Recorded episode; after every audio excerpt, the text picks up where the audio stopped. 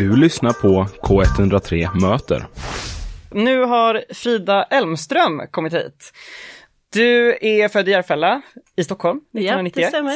Och du är en av sju studenter, filmskapare, på HDK Valands masterprogram i film som ska visa era examensfilmer på Göteborgs filmfestival. Ja, det stämmer. Yes! Din film är en 14 minuter lång dokumentärfilm som heter Capture. Och något som jag undrar lite till en början, ni är sju stycken. Finns det något gemensamt tema för alla filmerna? Nej, det gör det inte, utan de är otroligt skilda faktiskt. Mm. det som finns gemensamt är såklart uh, det som vi pratat mycket om under, under utbildningen. Ett tänk kring liksom hur du gör film på ett etiskt sätt. Mm. Uh, men det, vi har ett par dokumentärer, det är en person som gör en film om the overview effect, så uh, handlar det om, om rymden. Aha. En spelfilm, en annan person som gör en, fil, en spelfilm gällande Downs syndrom. Så, så, det är alltså väldigt, all, väldigt det är inte olika. så att allt är dokumentärt, utan det Nej, är lite olika? Det, det är väldigt okay. olika. I liksom beskrivningen om din dokumentär Capture så står det att Omkring 20 katter, en grupp pingvintittande turister, en grå papegoja uppkallad efter Prince William och ett par babianer som försöker få plats vid bordet på ett lokalt café. Capture utforskar frågan om frihet och en spänningszon mellan kärlek och fångenskap. Alltså jag blir genast nyfiken, så här, vad är det här? Jag vill se filmen. Ja. Kan du berätta mer? jag, har själv, jag har själv tänkt, vad är det här? Många ja. gånger. Ja. Alltså det, det, är egentligen en, en essädokumentär kan man säga, så det, det går Um, det är en tänkande film där som det finns plats för även publiken att reflektera. Så man liksom glider in och ut ur olika scenarion. Mm. Uh, och, och det, spänningen ligger där däremellan någonstans, att du ser, du ser de här 20 katterna uh, i, i katthemmet och sen så växlar mot en bild med papegojan och dens ägare som har ett sånt lite eh, nästan sliskigt förhållande. Liksom. Ja, det, det, är en sak jag också tänkte fråga, så kan du berätta mer om till exempel den här Prince William, papegojan. Alltså vad, vem, vem är det och vilken är hans liksom, relation till, till människorna omkring?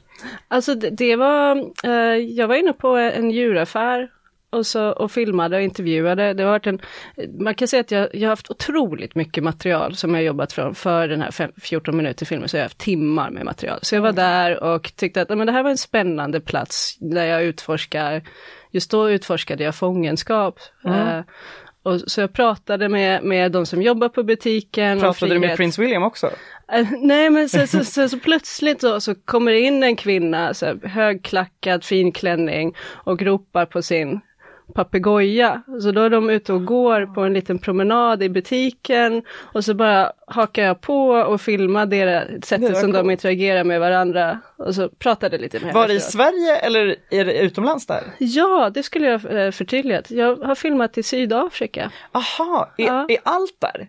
Ja, faktiskt. Hela filmen är inspelad här? Ja, okay. i Johannesburg och i Cape Town. Okej. Okay. Ja. Eh, du har filmat både vilda och tama djur och med människorna runt omkring dem. Det står också lite att ja, men resultatet erbjuder en subjektiv, lättsam men ändå laddad utforskning av eh, ja, människa-djurrelationer och kraftdynamiken däremellan. Och alltså, det kan ju vara ett ganska kontroversiellt ämne det här med, liksom, ja, med människor, djur, fångenskap, relationen däremellan. Hur, hur startade projektet? Alltså var, var kom idén ifrån? Idén kommer från att jag, jag har eh, tänkt och, och filmiskt under ett tag nu liksom funderat på vad, vad frihet är för någonting. Uh, och från början så skulle jag gjort mitt examensprojekt uh, gällande eskapism, som jag mm. fortfarande tycker är jättespännande. Uh, men så åkte jag på utbyte till Sydafrika och, och under den perioden så hände det också väldigt mycket personligt. Så att det blev som att andra sidan av myntet, fångenskapen blev mera tydlig mm. i hur jag kände mig. Och, ah. och så började jag utforska, började bara fritt utforska det. Och så blev det naturligt att då, så, men det här är väldigt intressant just i människo och djurrelationer mellan eh, frihet och fångenskap och, och kärlek. Hur det funkar mellan de två motpolerna liksom. Um, så, så på så sätt så blev det, det varit en väldigt liksom flytande naturlig process. Att jag bara Mm. upptäckte att jag filmade de här djuren och sa, ja men det här, här har jag någonting. Jag undrar, har filmen något särskilt budskap? Eh, vad vill du att man tar med sig när man har sett den? Eh, Jag vill att du tar med dig en reflektion kring, ehm, kring frihet och, och hur det ehm, fungerar med, med hur du, vad ska man säga, hur du interagerar med världen runt dig. Mm. Och egentligen det, det, det som jag framförallt försöker göra är väl att titta på, generellt i mitt konstnärskap, är att titta på laddade ämnen för att skapa en sorts diskussion som inte kommer från dömande utan, utan ärlighet. Mm. Att det inte hela tiden ska bli polari- polariserat. Så till exempel, självklart så kan du prata om djurfrågor även fast du inte är eh, vegetarian eller vegan och liksom att, att lite avdramatisera och att tillåta utforskande eh, även om du inte har en, en tydlig liksom, ståndpunkt. Så du kanske inte liksom själv vill riktigt göra ett statement utan mer att så här väcka folks tankar, att liksom Ja, det handlar, mer, det handlar om att väcka folks tankar och sen så finns det självklart också en, en underton som är ehm, eh, omtanke och såklart vill främja omtanke både med, i människo och djurrelationer men också människa till människa. Jag öppnar upp i filmen mot att tänka på, jag visar liksom eh, avgränsningar även i den mänskliga världen. Ehm, och såklart jag filmade i Sydafrika som har en väldigt tydlig och levande historia gällande med hur människor har behandlat andra människor. Just det. Eh, så det finns tydligt med i filmen att eh, också reflektera kring hur, hur vi behandlar varandra och maktdynamikerna mellan varandra.